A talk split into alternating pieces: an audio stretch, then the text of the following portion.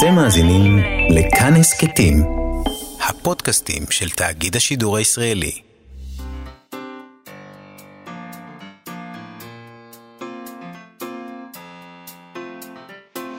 מה שכרוך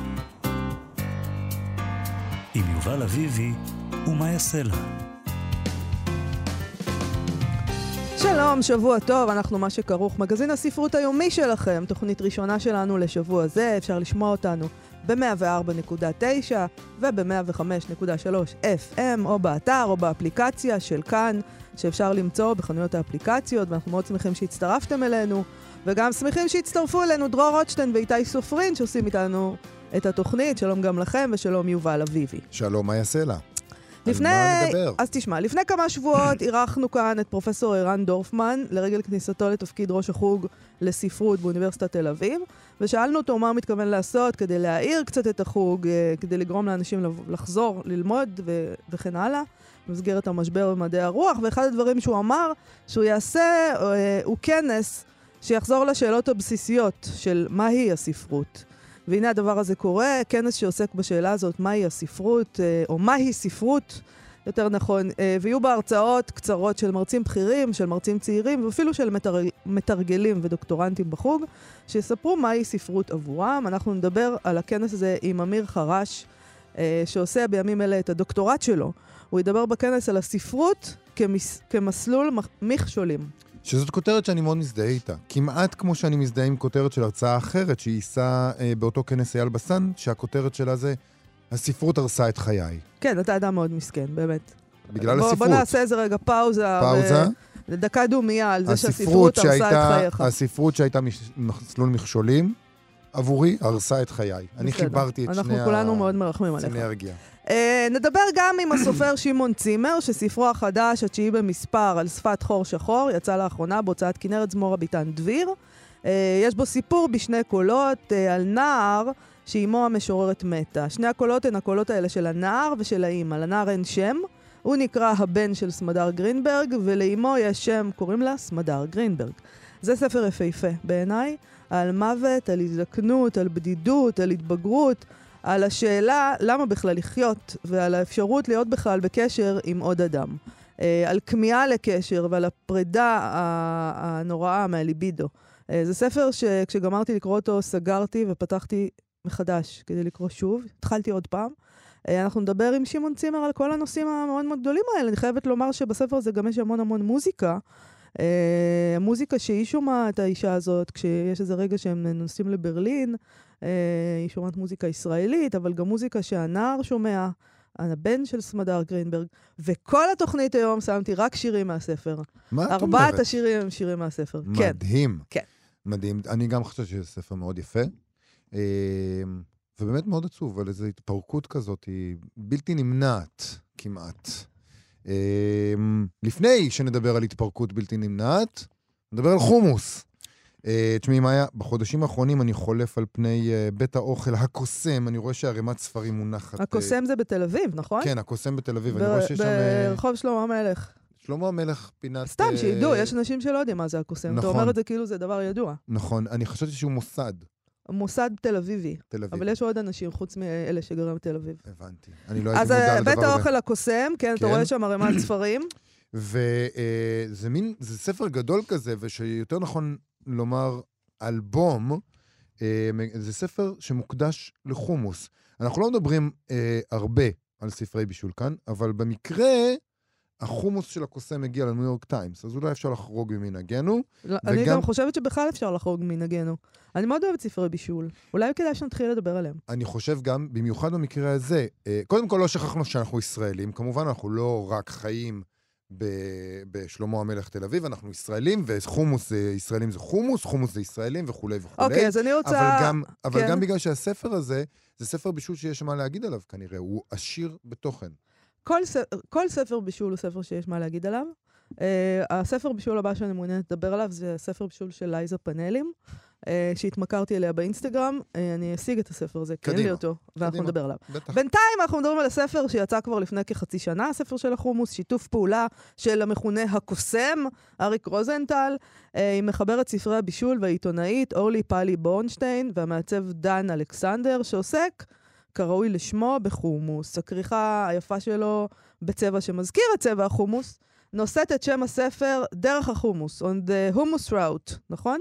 Uh, ואת המילה חומוס בעברית, ערבית ואנגלית, uh, ואנחנו כנראה בדקות הקרובות נגיד עוד הרבה פעמים את המילה האהובה, חומוס. כמה שיותר. חומוס. אה, דנה קסלר במגזין טאבלט כבר החדירה את הספר כתנ"ך של החומוס. אה, עם, הספר הזה בעצם עורך מסע למספר אתרים חשובים במזרח התיכון, בישראל ובמדינות השכנות לה, אה, כדי לספר את סיפורו של החומוס, וגם נעזר לצורך זה באנשי תרבות, שפים, אנשי רוח ועוד, כדי להביא לא רק עשרות מתכונים בספר הזה, אלא גם מאמרים וטקסטים אישיים על חומוס, שמבטאים את החשיבות שלו בתרבות המזרח-תיכונית, כמו למשל טקסט אה, של חוקרת המטבח היהודי והאנתרופולוגית התרבותית קלודיה רודן, שספר הבישול שלה, ספר הבישול היהודי, מזרח ומערב, אה, הוא אחד מספרי הבישול אה, שאני אישית הכי אוהב, יש לנו אותו בבית, אני כל הזמן משתמש בו, אבל לא רק לבישול, אלא גם לקרוא. הוא מתייחס לאוכל אה, כתופעה תרבותית ומנתח אותו, אה, מנתח את האוכל, הספר הזה, כאנתרופולוגית וחברתית, ו, אה, וזה כולל גם כן אה, טקסטים אישיים שמבהירים עד כמה שאתה- האלמנט הזה חזק בחיים אתה, שלנו. כשאתה מבשל, אתה מתעסק באנתרופולוגיה וזה. אני אוהבת לייזה פאנלים, כי היא עושה אוכל לילדים שלה כשחוזרים בצהריים מבית- מבית ספר, אז היא מכינה אוכל שאנשים אוכלים, והיא נותנת לך את המתכון, זה דברים פשוטים. זה מה שאני אוהבת. מעניין נורא. אנתרופולוגיה בחוץ עכשיו. אבל זה נורא מעניין לקרוא לפעמים, אתה חושב שאתה יודע משהו על חומוס, ואז פתאום יש לך כל מיני סיפורים כאלה שמספרים לך את, ה, את ההשתלשלות של העניין הזה. נכון, זה. מעניין מאוד. אה, כאמור, הסיבה לכל השיחה הזאת היא שהאלבום הזה, החומוס, הגיע בשעה טובה גם לניו יורק טיימס, אה, למדור חורכת כריכות, שזה תרגום בערך אה, של front burner, שבו היא מכנה את הספר אה, כרך מתנה שופע, והוא גם ספר אה, מאוד יפה.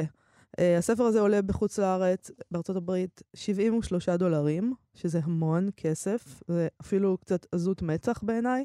אה, אבל אתה יודע, קוראים לך חומוס גרגר הזהב, אז כנראה שזה... יש 73 דולרים, כמה עולה פה? אה, 289 שקלים לדעתי, אז- אולי, אז- אני, אז אני לא גם בטוח, צריך ספרות. לבדוק. למה? למה זה עולה 289 שקלים? מה זה יכול- צריך להיות? את ראית, זה ספר יפה ו- ומושקע, עם בסדר צילומים וכריכה קשה, ואני לא יודע למה. היה בטוח שאני לא ארכוש את הספר הזה. אה, את יודעת, אנחנו יכולים לבקש שישלחו לנו פשוט. לא, לא, לא, לא, לא, לא, לא, לא, לא, לא, ממש לא. כאילו, שמשהו יוצא לנו מזה. זה נורא מצחיק באיזשהו אופן, כי היום שהכל באינטרנט, אה, ונגיד אם אני רוצה להכין חומוס, קורה לי פה ושם, כן. נדיר, אבל זה קרה לי כמה פעמים, ואז כן. הלכתי והשוויתי מתכונים מהאינטרנט, וההוא מומחה וזה, וכדי להבין איך עושים את החומוס הכי טוב. אז לחשוב שמישהו ישלם 289 שקלים על ספר על חומוס, אנשים, תתעוררו. איפה אתם זה- חיים? אבל זה בדיוק הקטע, אני חושב, בספרים כאלה. נשמע לי שהספר הזה, זה ספר כזה, זה coffee table book, חומוס table book, בהחלט. לאנשים כמוך שרוצים לקשט את הבית. לא רק לקשט את הבית, זה בדיוק אבל הם מציעים אה, אה, את האקסטרה, את הדבר שהוא אקסטרה. לא רק מתכון לחומוס, אלא אה, את הסיפור של החומוס, עם אבל- צילומים אבל, מושקעים. אבל יובל, ודברים- יובל, אתה, אתה מדבר על זה עכשיו כאילו עד היום אף אחד לא דיבר על הסיפור של החומוס, והנה בא הספר הזה, מגלה לנו את הסיפור של החומוס. תקשיב, דיברו על זה, כתבו על זה, אפילו את זה אפשר לעשות גוגל. ברור. תכתוב בגוגל ההיסטוריה של החומוס. אז, אין אז ספק. פשוט המחיר הזה הוא קצת לא פרופורציונלי, אבל אני בטוחה שהספר הזה, אה, אני- הושקע בו הרבה עבודה. אני, אני לא כן. מבין, אני עד שסוף סוף מישהו מביא כבוד לספרות העברית ומביא אותה אל הניו יורק טיימס, אל מדפים אה, רחבים בבארנס נובל, ומכירות וחגיגות, ואת, משהו שהעולם יכול להתחבר אליו סוף סוף.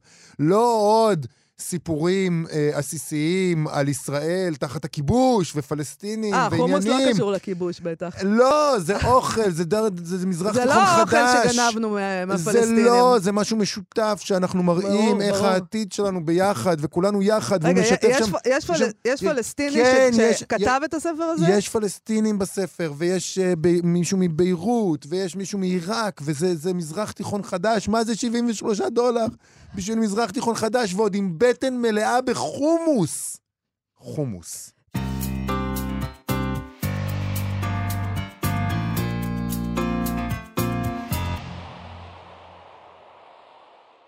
הספרות כמשקולת, הספרות כפיקציה והספרות כבדיחותא דמלכא. אלה רק חלק מהכותרות של ההרצאות בכנס. מהי ספרות של החוג לספרות באוניברסיטת תל אביב, שארגן ראש החוג החדש, פרופסור ערן דורפמן, ובו הוא מבקש לחזור לשאלות הגדולות בהרצאות קצרות. אה, זה כנס בן יומיים, שבו 25 מרצים, בהם חלק מהם בכירי החוג וחלק אה, מתרגלים ודוקטורנטים, שמדברים על מהי ספרות בשבילם. זה יקרה השבוע, בימים רביעי וחמישי, באוניברסיטה כמובן, ומי שסייע לארגון הכנס וגם יישא בו את ההרצאה הספרות כמסלול מכשולים, כותרת שאני כבר מאוד אוהב ומזדהה עימה, הוא אמיר חרש, דוקטורנט בחוג שעורך מחקר קוגניטיבי בספרות. תכף נברר מה זה, והוא גם סופר שספרו האחרון ברונז יצא לאחרונה בהוצאת כתר. שלום אמיר חרש. שלום שלום. אה, קודם כל תספר לנו קצת על הכנס. מה, מי, איך החלטתם? מי השתתף? מה המטרה של הדבר הזה? איך, מה, מה זאת הדמוקרטיזציה הזאת שמתרגלים אה, עם, אה, עם אה, פרוסף, פרופסורים הכי בכירים? מה, מה, מה פתאום? כן, אה, אחד הרעיונות מסביב לכנס הזה היה לתת איזושהי תמונה של המצב בחוג לספרות היום. ופשוט הוצאנו קול קורא לכל מי שהיה מעוניין להרצות, סגל בכיר, סגל זוטר, מתרגלים, אה, מתוך המחשבה שהחוג לספרות הוא בית לכל הדרגים השונים ולכל הקולות השונים, והרעיון של לעשות הרצאות קצרות הוא מה שמאפשר אה, את הדגימה הזאת, את הטעימה הזאת ואת ריבוי הקולות שבעצם אה, מרכיב את חוג לספרות. ומה, ומה אמור לקרות? זאת אומרת, מי שאמור להגיע לשם זה סטודנטים, זה אנשים שרוצים להיות סטודנטים, זה, מה זה אמור לה, לעשות? הכנס הוא פתוח לציבור במובן הרחב ביותר של, ה, של המושג. כל מי שמעניין אותו השאלה מהי ספרות או מה קורה בחוג לספרות באוניברסיטת תל אביב, הוא פשוט מוזמן לבוא, הכניסה חינם, האולם אה, אה, גדול מספיק, ואנחנו אה, נשמח לארח את כל האנשים שיבואו. אז בוא נדבר על הספרות כמסלול מכשולים, שזה, על זה אתה תדבר. Mm-hmm, בואי. מה, מה זאת אומרת מסלול מכשולים? למה אתה מתכוון? Uh, האמצעים הספרותיים, האמצעים הסגנוניים, הם יכולים uh, להיחוות לפעמים על ידי הקורא כאיזשהו מכשול. כן? Okay. Uh, אוקיי. חלק מהטכניקה של הספרות היא ליצור uh, הזרה או קושי או, או, או, או בלבול או משהו שהופך את הטקסט ליותר מורכב, וכשקוראים ממשיים נתקלים בזה, בטכניקה הזאת, אז לפעמים הם אה, מבינים וחווים איזושהי חוויה ספרותית אסתטית, ולפעמים הם אה, אה, נתקעים, כן? משהו נכשל במפגש בין הקורא לטקסט. ו, והמחקר שלי עוסק בתופעה הזאת, בכל מיני סוגים של מפגשים אה, בין אה, קוראים של ממש לבין טקסטים ספרותיים והמנגנונים שיש בהם. וזה מחקר אה, אמפירי וקוגניטיבי שבו אני אה, יוצא מהספרייה אל תוך המעבדה. כן, ובודק אנשים, נותן להם לקרוא, עוקב אחרי תנועות העיניים שלהם. ו... בוא, בוא, בוא נתעכב כן, על זה רגע. מה, מה, מה, עוש... מה זה מחקר קוגניטיבי של ספרות? מה, איך נראה... אתה מחבר אותם לאלקטרודות ובודק את התחושה שלהם כש... כשהם קוראים ספר, כשהם קוראים פסקה, כשמקריאים להם? אה, התהליך איננו פולשני, בסך הכל יש מצלמה מתחת למסך של המחשב. מה יש להם, מה? אה, יש מצלמה, יש, הם 아. אה. קוראים אה, ממסך של מחשב, יש מצלמה שמחוברת מתחת למסך שמצלמת את תזוזות העיניים שלהם, ועל ידי תהליך קיול לא מאוד מסובך אפשר לדעת בדיוק לאן אנשים מסתכלים, בדיוק של אלפיות השנייה ועל איזה אות במילה אנשים מסתכלים. רגע, אז, ואז מה, אז מה זה אומר אבל? זאת שאלה מצוינת, ואני עושה דוקטורט שבדיוק מנסה לענות על השאלה, מה זה אומר? מה שנקרא, כמו שאומרים בתקשורת, במילה אחת, מה זה אומר? איך הרגשת? כן, למה לא, דוקטורט שאפשר... אתה כאילו לוקח את כל הפעמים שבהם קורא, אה, שמט את עיניו מול קטע ספציפי, ואתה אומר, אה, למה דווקא כאן הוא שמט את עיניו? למה כאן הוא הסתכל, למה כאן הוא איבד קשר עם הטקסט? כל מיני כאלה? במובן הכי פשוט, מה שזה מעיד זה על הקשב של הקורא, כן? על הקשב הגלוי, לאן העין הסתכלה. עכשיו השאלה היא למה העין התעכבה במקומות האלה, ועל זה יש סדרה גדולה אה, מאוד של הסברים אפשריים, חלקם פשוט פסיכו-בלשניים, זה קשור לאורך המילה או לזה שיש שם ניקוד, אה, וחלקם קשורות לתופעות שהן ממש הארד-קור ספרותיות, אנשים נעצרו בגלל שהם עסקו בפרשנות ספרותית, או בגלל שהם דמיינו את הסצנה, או בגלל שהם חוו איזשהו רגש. ו... אתה צריך אבל לראיין אותם אחר כך, אומרת, נכון? אבל על, מה שאתה אומר אבל שזה, סליחה יובל, מצטערת, כש, שבעצם זה שבן אדם עצר פה זה לאו דווקא דבר רע. אם הוא חווה איזה רגש שבגללו הוא עצר, זה לאו דווקא רע. בסדר. לא, לא, זה לאו דווקא רע, זה, זה, זה אומר שקורה שם משהו, קורה שם משהו מעניין מבחינה קוגניטיבית, וכדי להבין את זה אני אכן ראיינתי את האנשים, הראיתי להם את דפוסי תנועות העיניים שלהם מיד לאחר הקריאה, הם ראו באדום את האזורים על הדף שהם התעכבו עליהם, ושאלתי אותם אם הם זוכרים למה הם התעכבו, ומתוך ההסברים האלה אז נוצר איזה אה, אה, ספקטרום רחב של תופעות שאפשר לדבר עליהם במקומות האלה של ההתעכבות. כן, בוא נדבר עליהם. בוא נדבר על הספקטרום הזה. מה? מה זה אומר? מה קורה שם? אה, אז, אז קודם כל יש מקומות שאנשים סתם מתעכבים עליהם בגלל איזשהו קושי שאין לו ערך אה, אה, ספרותי. בואו נשים את כל המקרים האלה בצד, okay. אוקיי. הם לא נושא המחקר שלי. אה, מה שנושא המחקר שלי זה המקומות שבהם יש גם פוטנציאל לחוויה ספרותית וגם פוטנציאל לקושי. וחלק גדול מההתעכבויות הם מקומות מהסוג הזה.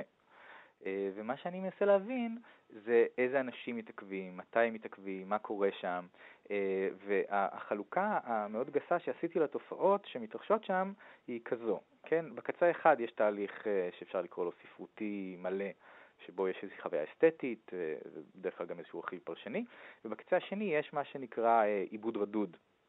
כן? Okay. כלומר אוקיי. שאנשים נתקעו שם לרגע, חשו איזשהו קושי ואיזשהו בלבול, אבל לא באמת התעכבו, לא עשו איזשהו תהליך שהוא יותר uh, מעמיק בתוך הטקסט ויותר מנסה uh, לפענח ולפרש אותו. אבל זה uh, קורה באותם מקומות? זה קורה בדיוק באותם מקומות. זאת אומרת, כן. מה שנותן לאחד חוויה אסתטית, הוא מתעכב על זה כדי לעשות פרשנות פנימית ו- ולהרוויח את מה שהוא יכול להרוויח מהקטע המורכב הזה, זה מה שגורם לבן אדם אחר לעשות איזה דפדוף, עיבוד רדוד, מה שאתה קורא, ו- ולהמשיך הלאה. כן, ובמובן הזה הכותרת של הספרות כמרוץ מכשולים היא מאוד רלוונטית, כי ברגע שאתה נתקל במכשול, אתה יכול או לנסות לעקוף אותו, פה במקרה הזה על ידי עיבוד רדוד, או להתעכב עליו ולנסות אה, לטפס עליו ולעבור אותו ולחוות את, ה- את החוויה שהמכשול הזה מאפשר לך. אה, ויש גם את האפשרות של אה, ממש כישלון, שמי שמנסה לטפס ונופל ומנסה ונופל, והאנשים האלה שחווים את הכישלון הזה, אז החוויה האסתטית שלהם היא, אה, היא סובלת בדרך כלל. זאת אומרת שצודקים מי שאומרים שספר שקשה לך לקרוא אותו, הוא ספר שיותר הגיוני שיהיה לך בו חוויה עילאית. אם תתאמץ. אם תתאמץ, אם אתה יודע לקרוא. אה, אה, בגדול, אני חושב שספרות מורכבת יכולה, יש לה את הפוטנציאל לאפשר חוויה ספרותית מאוד uh, uh, מעניינת, אבל לא תמיד, לא בקריאה ראשונה, לא לכל אחד uh, וכולי וכולי, אבל יש שם את הפוטנציאל גם לקריאה שהיא uh, קשה ורועשת ומתסכלת. תגיד, איזה, איזה, אילו טקסטים אתה זורק על, ה, על העכברי המחקר שלך? עכברי המעבדה שלי. כן. אני עשיתי את הניסוי עם סיפור של בורכס, סיפור אה, אה, קצר שנקרא חדר הפסלים, mm-hmm. שהוא בסגנון אה, אלף לילה ולילה. זה משהו שאתה, זה חומר למתקדמים. אה, כן. אני ה... מדמיין לעצמי הרבה נקודות שבהם אתה נתקע בספר הזה, בסיפור אה, הזה. ולא בכדי אתה מדמיין אותם, ואני ראיתי את האנשים אה, נתקעים שם. אה, הרעיון הוא לבדוק ספרות מורכבת, ו- ולראות מה מתרחש שם. אה, בספרות שהיא, אה, שהקריאה שלה זורמת הרבה יותר חלק, אז יש הרבה פחות uh, אמצעים סגנוניים מהסוג הזה שאנשים נתקעים בהם. אבל מה בסופו של דבר אתה רוצה, כאילו, בשורה התחתונה, אוקיי, תבדוק ותדע את כל הדברים האלה, ואז מה? אז מה זה יגיד לנו? מה זה יגיד לך? אה, שתדע איפה האנשים נתקעים וזה. אז תוכל אה, לעדכן את הרובוטים, ש... את המחשבים שכותבים ספרים, והם יוכלו לכתוב ספרים, ככה שאנשים לא ייתקעו יותר? לא, להפך, ככה שהם כן ייתקעו, כדי שתהיה להם חוויה אסתטית. ייתקעו טוב או ייתקעו רע, תלוי. 아. אה, אני חושב שהשאלה היא אם את שואלת אותי בתור אה, חוקר ספרות, או בתור אה, אה, סופר, או בתור קורא. כל אחד מהמילים האלה בוא נתחיל בתור להם, חוקר ספרות. בתור חוקר ספרות, אז זה קודם כל מאפשר לי לדבר על מודלים שונים של קריאת ספרות ועל תיאוריות שונות של קריאת ספרות ומה מתרחש בהן, והאם הן סבירות אה, אצל אנשים שהם קוראים ממשיים. אה, למשל, אפשר לחשוב על אה, מין אה, תיאוריה של אסתטיקן רדיקלי, שהוא... אה, טוען שמה שמעניין בספרות זה רק הקושי וההיתקעות, ושההידבקות על פני דלתו של הבלתי מפוענח, ששם נמצאת החוויה הספרותית עצמה. כן. אה, אז, אז המודל שאני בונה והשיטה הזאת מאפשרת גם לבדוק את הטענה הזאתי, אה, ובינתיים לא מצאתי ראיות שתומכות בזה. כלומר, מה שאני רואה זה שאומנם החוויה הספרותית כרוכה בקושי, אבל גם בהתגברות עליו, ובהבנה בסופו של דבר. אה, כך שהנבדקים בניסוי שלי למשל לא הראו התנהגות שהיא רדיקלית מהסוג הזה. תגיד, אבל... וכסופר, אתה השתמשת במה שלמדת עד כה כדי לכתוב אחרת ממה שהיית כותב, אם לא היית יודע את זה? אני חושב שכסופר זה הפך אותי להרבה יותר רגיש ל... מתי אני עושה רעש לנבדקים, מתי אני סתם מסבך את הטקסט אבל זה לא יוצר אפקט ספרותי, או זה ייצור אפקט ספרותי אצל כמות מאוד קטנה של אנשים, ואני מנסה כן לכתוב טקסטים שהם אה, מורכבים, ויובל אולי יכול להעיד על זה, כי הוא סיפר לי שהוא קרא את ספרי לאחרונה, אה, דברים שהם מורכבים אבל עדיין מנסים לתקשר ולהיות מובנים. והמתח הזה בין אה, לסבך את הטקסט כדי להפוך אותו לספרותי ומסוגל ל... אה, משמעותיים ולבין תקשורת ומובנות וקריאה חלקה, המתח הזה הוא מתח שכל מחבר צריך למצוא את הנקודה שלו עליו. אה, אני, אנחנו תכף שלו. נדבר על הספר שלך ספציפית, אבל... אה, אבל אני אשמח אם לדבר יותר על הכנס, ש... אני פה בשליחות ציבורית. לא אני חייב אבל לשאול אותך עוד שאלה על המחקר. כן, בסדר. אתה יודע, יש את העניין הזה של תורת ההתקבלות, והדרך שבה ביקורות, או תגובות של קוראים, או מחקרים, או כל מיני דברים כאלה שעל הספר, משפיע מאוד על כתיבת הספר הבא של הסופר. קשה מאוד להתנתק מהדברים האלה ברגע שאתה יודע אותם. מחקרים כמו שלך, זה מחקרים שישפיעו בוודאי על איך שאנשים, אם, אם, אם סופרים יטרחו לקרוא את התוצאות, ישפיעו על איך שהם כותבים. האם אנחנו רוצים להכניס כל מיני uh, גורמים קוגניטיביים נסתרים שאולי עדיף שיישארו שם אי שם עמוק בתוך התת-מודע? אנחנו רוצים לשחרר אותם לחופשי ולהתחיל להשפיע על כל הסופרים שעלולים להיחשף לתוצאות? אני חושב שהאידיאל של אה, סופר אה, שמנותק מהחברה וכותב רק מתוך אה, תשוקת הלב שלו ובאופן אוטיסטי לחלוטין, הוא אידיאל רומנטי מאוד ומיושן ואולי מעולם לא היה מייצג של המצב של הכתיבה, ובפרט בימינו שסופרים נמצאים בפייסבוק ורואים תגובות מיידיות של אנשים. אנשים כל הזמן רואים תגובות, ובאופן כללי האקדמיה והתיאוריות שנוצרות באקדמיה, הם, הם כמובן שהן משפיעות על השיח ועל מה שקורה בתחום הספרות. האם התיאוריה שאני עושה אה, תשפיע יום אחד על משהו? בגדול אני אה, מקווה שכן. תהיה מדען מרושע כזה, שהחליט בשביל אנשים מה לכתוב. כן. אה, הם יבואו אליך עם הספר עוד לפני שיצא לאור, ואתה תכניס אותו למעבד, ואתה תגיד להם מה הם צריכים לשאול, אתה תהיה העורך על כזה. אני, אני לא עושה עיבודים של ספרים בעזרת אה, אה, מחשבים, למרות שיש גם מחקרים שעושים את זה, שמנסים לנבא אה, מה יהיה רב-מכר. מה שאני עושה זה מנסה לגרום לאנשים להבין יותר את הקוראים שלהם ולהתחשב בהם יותר, ואני רואה את הספרות כאקט של תקשורת mm. בין מחברים לקוראים. ואני חושב שזה דבר שהוא חיובי בגדול. אז תגיד לנו עוד שתי מילים על הכנס שרצית להגיד, למרות שאני חושב שכבר אפשר מאוד להבין שזה יהיה, יש שם מגוון רחב של נושאים, לא דברים שאתם בהכרח אה, מצפים לקבל בכנס ספרות. אולי אתה יכול לדבר רגע על אה, אייל בסן, שהספרות הרסה את חייו. מה, מה, מה זה? זה הכותרת, וזה מאוד מעניין אותי. אתה יכול להגיד משהו על זה? אה, כדי לדעת בדיוק למה הוא מתכוון, אני מניח שאת צריכה לבוא לכנס. נכון. כי uh, אנחנו לא יודעים בדיוק על מה אנשים uh, ירצו, פשוט ביקשנו מהם uh, לתת כותרות שישקפו את, uh, את מה שהם רוצים uh, לדבר עליו. אז אנחנו אה, נבוא לכנס. אנחנו נבוא לכנס, אין ברירה. אה, לא הספקנו לדבר על הספר שלך, רק נגיד, אה, כשאכן קראתי אותו ונהניתי, מדובר בפנטזיה כנענית.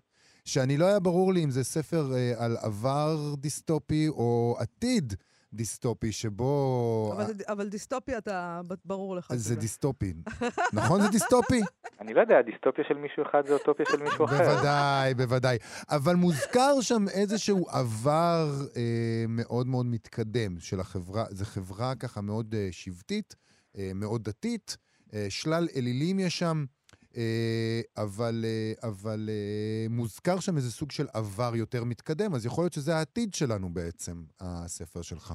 זו בהחלט קריאה אפשרית שלו. זה, היה, כתוב שם שזה 6,000 לספירה, לא? באיזשהו רגע. כתוב שזה 6,000 ומשהו אחרי האסון הגדול. אחרי האסון הגדול. אחרי האסון הגדול היה עוד יהיה. כי אני גם קראתי את הספר פשוט. אז 6,000 ומשהו אחרי האסון הגדול, כן, אז אתה אומר האסון הגדול זה איזה אבל ד- דרך אגב, ש- נעלם. אם אנחנו כבר עוד מילה אחת על המחקר שלך ועל הסיפור שלך, כן. זה סיפור מאתגר. הוא, קודם כל, הוא כתוב במין כזה, אמ, קצת שפה שמזגזגת בין, ה, בין העכשווי לתנ"כי, נקרא לזה, מהמם. וגם משלבת בתוך הקטעים של העלילה הרגילה כל מיני אה, קטעים אה, של המיתוסים הגדולים של הדתות השונות שמאכלסות את הספר שלך, ואתה צריך להבין לפעמים איך זה קשור לזה, וזה באמת הוא מאתגר. דורש קריאה אה, מותג- מאתגרת, ב- כן. ב- ברגע הזה, ב- מול המחשב, בניסוי, הרבה פעמים שמה. יעצרו שם. שם היו עוצרים. היו עוצרים הרבה. אה, לחשוב מה קרה. כן, במובן הזה, כמו שאמרתי קודם, אני, אני חושב שהמחקר שלי לא צריך להוביל לזה שאנשים יכתבו ספרות רב-מכר שהיא מאוד פשוטה לעיכול, אלא הניסיון הוא להבין איך לעשות ספרות שהיא מורכבת, שזה הדבר שאני חוקר, כמו שאמרתי לך בורכס, אה, ועדיין אה, שהיא מתקשרת, ובפרט פשוט להבין מה קורה כשאתה עושה כל מיני אה, דברים שונים בטקסט, ו- ואיך זה משפיע על קוראים. יכול להיות שפשוט מספיק להבין את זה, ואז כבר הבנו משהו. אז קודם כל, המטרה של האקדמיה היא, היא לנסות להבין דברים, ולא אה, דווקא אה, לפתור בעיות. אז אם אתם רוצים להבין עוד דברים ולקבל עוד גישות, אז רביעי וחמישי. כן. מהי ספרות? כנס שנשמע מאוד מאוד מעניין. אמיר חרש, ולספר שלך קוראים ברונז, גם מעניין, אה, ממליצה לאנשים לנסות לקרוא אותו, ולראות כמה פעמים הם אה, ממצמצים. ומשומטים את מבטם או מסתכלים על. התקרה. תודה רבה אמיר לך. חרש, תודה רבה. טוב, תודה רבה לכם. להתראות.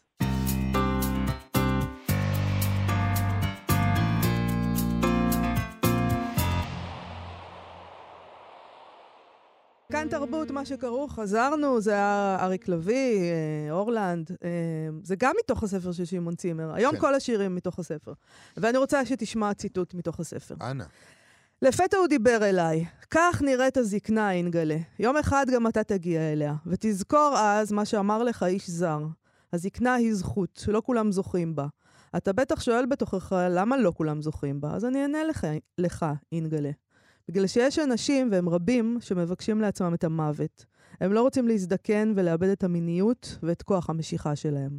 אז הם מארגנים לעצמם מחלות. מה זה סרטן ואיידס אם לא ויתור על החיים? וכל זה כי בתוך תוכם הם לא אוהבים את עצמם. מי שאימא שלו אוהבת אותו, ימות בשיבה טובה. כך אומר זקן אקראי, אה, ש, ש, אקראי כביכול, נגיד, בספר הזה, לנער. אה, גיבור הספר החדש של שמעון צימר, שהספר נקרא על שפת חור שחור. זהו הספר התשיעי של צימר, שהיה מועמד פעמיים לפרס ספיר על ספריו הקודמים. אה, וגם בספר הזה, אה, אני חושבת שאפשר להגיד בביטחון, כמו תמיד אצל צימר, אין אה, דבר זולת האמת המרה. אבל, אבל, אבל גם איזה יופי שצץ מתוך האמת. אולי בגלל שבאמת יש יופי, כמו, אתה יודע, העשבים שמתעקשים לצוץ מתחת לבלטות בגג שלי. האמת הזאת, גם אם היא עשבים שעושים לנו שם רטיבות, אבל היא גם חיים. אה, חיים שרוכשים מתחת לפני האדמה. אה, שני קולות מובילים את הספר הזה, קולו של הנער המתאבל על אמו. אה, אין לו שם לנער הזה, הוא נקרא הבן של סמדר גרינברג, ואימו המשוררת המתה, סמדר גרינברג. אבל יש גם הופעות אורח קטנות של הסבתא של הילד ושל הסופר עצמו, שמעון צימר. שלום, שמעון צימר. שלום, שלום מאיה. אני שלום, מקווה שזה. לא היה נשמע יותר מדי כמו הספד, שמעון. היה קצת לא. ארוך.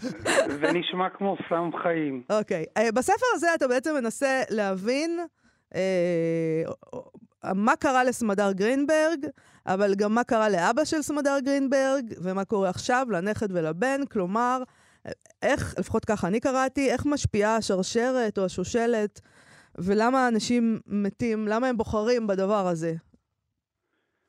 ואני רוצה לשאול אותך, מאיפה באו אליך סמדר גרינברג והבן של סמדר גרינברג? אה, אוי ויי, שאלה קשה. כן? לא, מאיפה הם נולדו? לא, לא, לא שאלה קשה, רק כי אני אה, נרגש קצת להתראיין, שידור חי וכל זה. אוקיי. אה, זה מורכב. כלומר, אה, זה התחיל ב... בחבר טוב של בכורי, שאיבד את אמו. ב- בגיל דומה אולי. ואז אה, מתוך זה אני מניח צמחתי אני עצמי. הבח- אבל זה התחיל מ... מדבר חיצון יחסית. כן. הבחירה במישהי שמשוררת, כמובן אה, אה, מערבבת, כמו שקורה לא פעם עם, בספרים שלך, את החיים עם הספרות. זאת אומרת, מות הספרות, המוות הפיזי, היכולת של, אה, של שירה לנצח את הדבר הזה, כל הדברים מאוד מתערבבים אצלך, ותמיד יש איזו תחושה גם שהקינה היא לא רק על החיים האמיתיים, אלא גם על משהו יותר uh, חמקמק, משהו יותר, uh, פחות גשמי. אם בכלל יש קינה, כי אני קראתי פה, בסופו של דבר, uh, יש משהו מאוד אופטימי, דווקא מפתיע. ב- בספר. יובל נכון. מסתכל עליי עמום, אבל זה לא, לא נכון, לא, בעיניי הוא אופטימי באיזשהו אופן. אני מסכים איתך, יש בו משהו אופטימי, גם העובדה, אני לא רוצה לעשות ספוילרים אם, אם זהו, בכלל... אני הולכת גם אבל, ככה, אבל נגיד, זהירות. אפשר להגיד שהסוף הוא פתוח, הסוף הוא מאוד פתוח, וזה תמיד דבר אופטימי. לבחור בסוף פתוח זה תמיד יותר אופטימי מאשר סוף סגור. אה, נכון, נכון. אז, אז, אבל, אבל נחזור לעניין הזה ש, שסמדר גרינברג היא משוררת. זה, זה, זה כדי לעשות איזה מין, איזה מין חיבור בין החיים ל, ל, לספרות? לא, להכניס את הקרוי שמעון צימר ובהחלט אה, לעשות חיבור בין אה, הקרויים חיים לבין הספרות. אבל אה, אה, סמדר גרינברג, כלומר, זמן, חלק גדול מהכתיבה שלי את הדמות לא, לא היה לה עיסוק, אה, לא הייתה לה זהות מוגדרת, כמו לכתוב שירה. אה, אני חושב ש... שאני הרבה פעמים בוחר במה שמוכר לי. ואני חושב שזה היה באיזשהו אופן לחזור ולכתוב קצת על, על מירי בן שמחון. כלומר, על, אה, על סוג של חולי רוחני, נפשי, ש, שפגשתי, שאני מכיר. דווקא אני מבחינה זו רואה את עצמי לא פעם כמי שחוזר ונכשל ברצון לכתוב אה, דמויות מרוחקות ממני. אבל אני, אולי מכיוון שאני פוחד להיכשל, ואני גם רוצה את סוג הסיפוק שנלווה לכתיבת האמת, במרכאות אולי, אז, אה, אז אני חוזר ועוסק ב, לפעמים בתמות, בתכנים, בסיטואציות דומות. אבל מצד שני, זה מעניין שאתה אומר את זה, שאתה בוחר בתמות קרובות אליך, של מה שאתה מכיר, ומצד שני אתה בוחר פה לספר סיפור משתי נקודות מבט, של נער ושל אישה. ואתה לא נער כבר, וגם לא אישה, אה, אז, אז זה לא בדיוק נקודות מבט, נגיד את, ה, את, ה, את האופן שבו אתה מתאר את האבא של הנער הזה, הוא נורא ואיום, אה, באמת, גבר נוראי. אה, אז, אז זה לא בדיוק שאתה בוחר בבחירה הזאת של מה שאתה יודע ומכיר. אה, במובנים רבים אני אכן אותו גבר נוראי. כלומר, ילדיי לפעמים יאמרו שכזה אני. כן. גם זוגתי. אז בגברים נוראים אתה, אתה מבין, אוקיי. זה יפה אבל שאתה יכול לראות את נקודת המבט שלה על הגבר הנוראי הזה ושל הבן. הגבר בסיפור הזה הוא פשוט אה, בן זונה, אין דרך אחרת אה, להגיד את זה, נכון? הוא אפילו לא מתכוון, הוא פשוט... זהו, זה מה שהוא עושה. זה מה שאתם עושים. תן לי רגע. לא כולנו, לא כולנו. לא, אבל אני מודה שזו דמות מאוד לא נעימה. אה, הדמות של, ה, של האב. אבל יש שם גם שם, אפילו שם, אה, רגעים, רגעים קטנים של חסד. נכון. בין, ה, בין הילד שהוא מאוד מאוד אבוד, ונדמה אפילו כן, אבל אבא שלו נוטש אותו. הספקטרום. אה, מאבד ככה את אה, שפיות דעתו אט-אט, ואבא שלו אכן נוטש אותו, אבל אז הוא מוצא אותו מחדש, זה, זה מין... אה. לא יודעת, יובל, אתה ואני לא קוראים אותו דבר. לא. אבל מזל ששמעון פה כדי להגיב. אז זהו, אז, אז, אז יש שם נקודות של חסד, או שזה, או שזה נטישה? האמת שאני לא... כלומר, אני חש איזו פליאה קלה כשאני שומע אתכם מגדירים את זה כך או אחרת, כי ביני לביני אני חושב שאני לא שיפוטי בכלל. כלומר, אני לא מכוון ל... ל...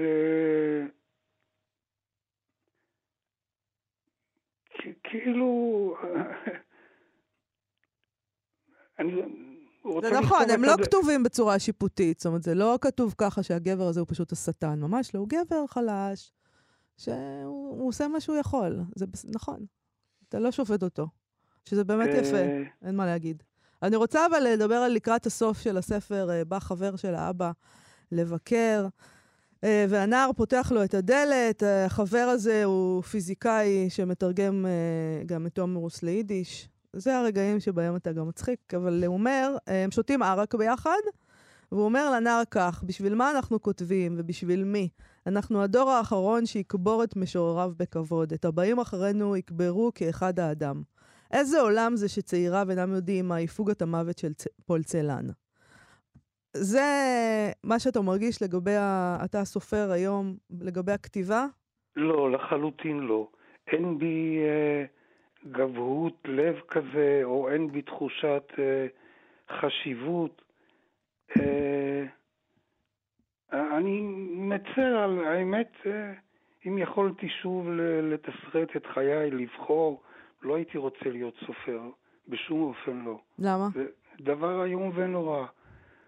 אה, אה, כי, כי שמחתי אה, אה, לראות את זה כתוב באופן אחר בספר של נטליה גינזבורג, בספר המסות שלה. מהמם. היא אומרת ש, ש, שה, שהאומנות היא אף פעם לא נחמה. ואני כבר לא מדבר על, ה, על העולם החיצון, על ההוצאות ועל הכסף ועל כמה קוראים או לא קוראים. כלומר, אפילו, אפילו נחמה אין בזה. כלומר, אה, בעיניי זה להתרוצץ בין הקרעים של האישיות שלך. אה, שוב לתסרט אותם לאיזה סיפור שעבורך הוא כבר קרס ולא קיים, עוד אה, לפני שהספר נכרך. ובגלל הרצון אה, לחוש נראות, כי לא מעט מאיתנו, ואני ביניהם, מרגישים לא נראים מספיק. אז כותבים עוד ספר ועוד ספר. אה, אין, אין בזה נחמה. אה, אולי אבל אה, יש בכל זאת נחמה כשקוראים את הדברים שלך ו... לקורא אולי. לקורא יש נחמה. אבל הוא מדבר על הסופר. נכון. זה נשמע... אה, אה, הרבה פעמים סופרים שואבים נחמה מתוך הנחמה של הקורא. אה, כן, אבל זה משאב אה, שמתבזבז מאוד מהר, מסתבר. ו... הנה, אני לא יודע, אתמול אה, מאיה טלפנה, אם מותר להיות אישי, והיא אמרה לי דברים חמים ומחבקים, ונסענו במכונית, אני חושב, ולא, זה לא החזיק מעמד יותר מקילומטר.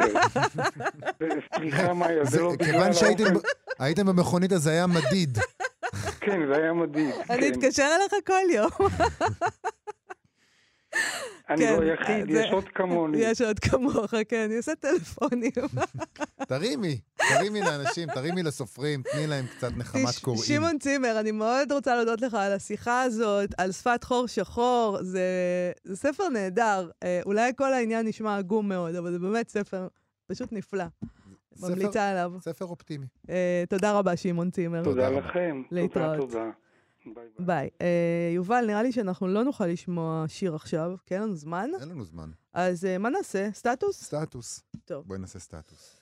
אה, אוקיי, סטטוס. סטטוס של מרגלית עוצרי, עוצרי קוראים לה? עוצרי? עוצרי, אה, שהיא דוקטור למשפטים ומחברת הספרים שתי השמשות של דדיקה, כותבת הנאומים ועיניים אדומות, שיצאו כולם בהוצאת כנרת זמורה דביר. אה, היא שיתפה צילום של בחינה אה, בספרות שפרסמה המשוררת רחל נ- נאפר סטאק, סטק.